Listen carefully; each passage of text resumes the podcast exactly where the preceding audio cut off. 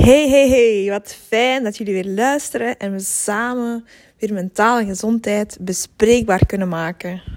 Hell yes.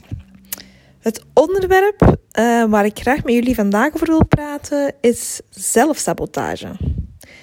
Ik denk dat zelfsabotage iets is dat een groot deel van ons wel eens heeft meegemaakt, zowel bewust als onbewust. En dat iedereen die het hier lastig mee heeft, wel eens de opmerking kreeg: Als je het weet, stop er dan gewoon mee. En ik ben hier vandaag om u te vertellen dat het niet zo simpel is als stop er gewoon mee. Er schuilt namelijk in mijn ervaring uh, meer achter dat gedrag. Want het is iets waar ik al zelf jaren mee struggle. Tijdens mijn opleiding tot ergotherapeut heeft dat er bijna voor gezorgd dat ik niet ging afstuderen. Want een vorm van uitstelgedrag bij mij... Oeh, dat was ik nu, ik draai het om. Uh, een vorm van zelfsabotage bij mij is uitstelgedrag. En bij elke vorm van zelfsabotage heb ik bij mezelf dus een bepaald patroon ontdekt. En het is nodig om mijn belemmerde overtuigingen over mezelf en de wereld verder uit te zoeken om die aan te pakken. Wanneer ik tijdens mijn opleiding mezelf saboteerde, was ik me bewust van dat ik dit deed, maar het leek sterker dan mezelf.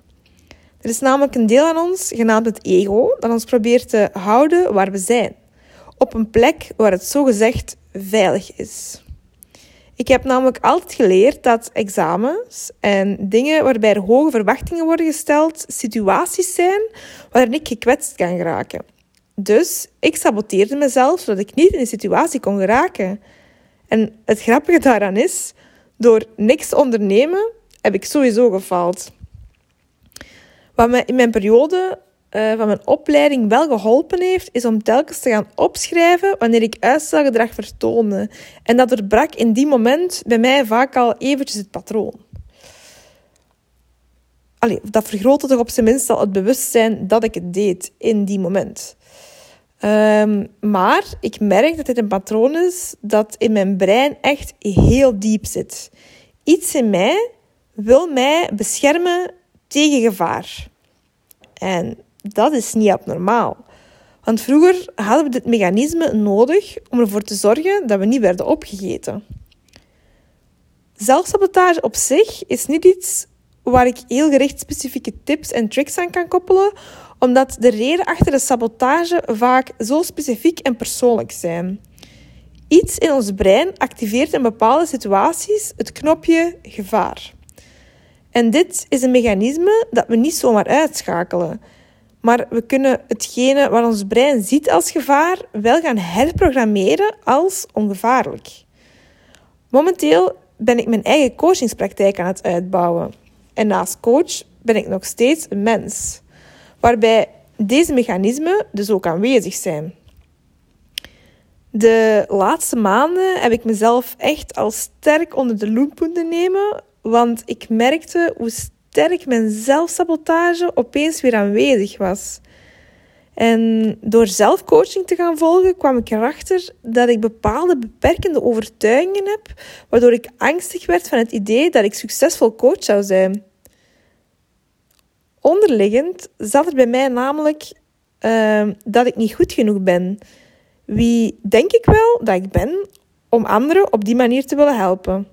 Dat ik mezelf niet waardig genoeg vol, nee, niet waardig genoeg vol, dat ik mezelf niet waardig genoeg vond, uh, waardevol, oh, zeg, wat is deze? dat ik mezelf dus niet waardevol genoeg vond om geld te gaan vragen voor andere mensen te helpen met mijn kennis.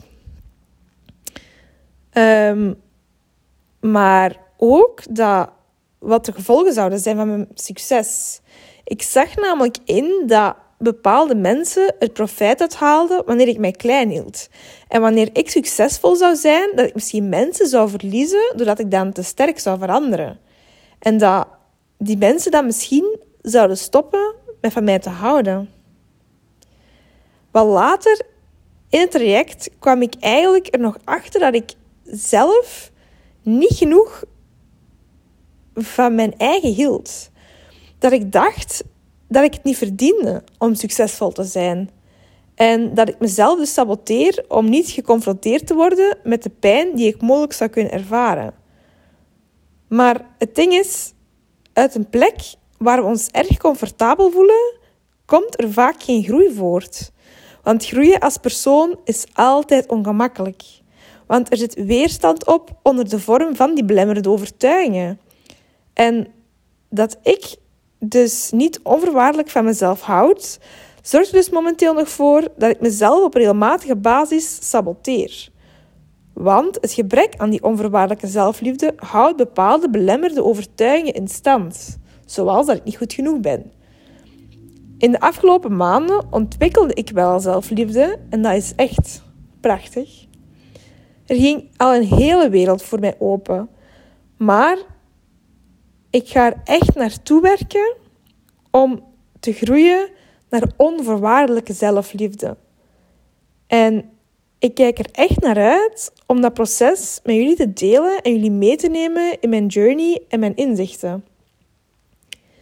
En ik hoop dat jij na deze podcast ook op zoek gaat naar de achterliggende redenen waarom jij jezelf saboteert.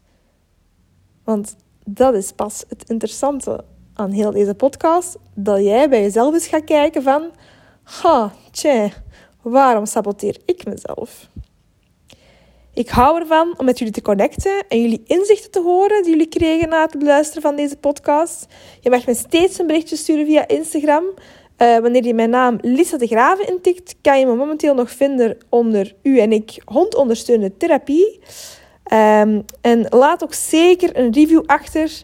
Zo vinden meer mensen de podcast en kunnen we elkaar helpen om mentale gezondheid bespreekbaar te maken. Want dat willen we toch allemaal.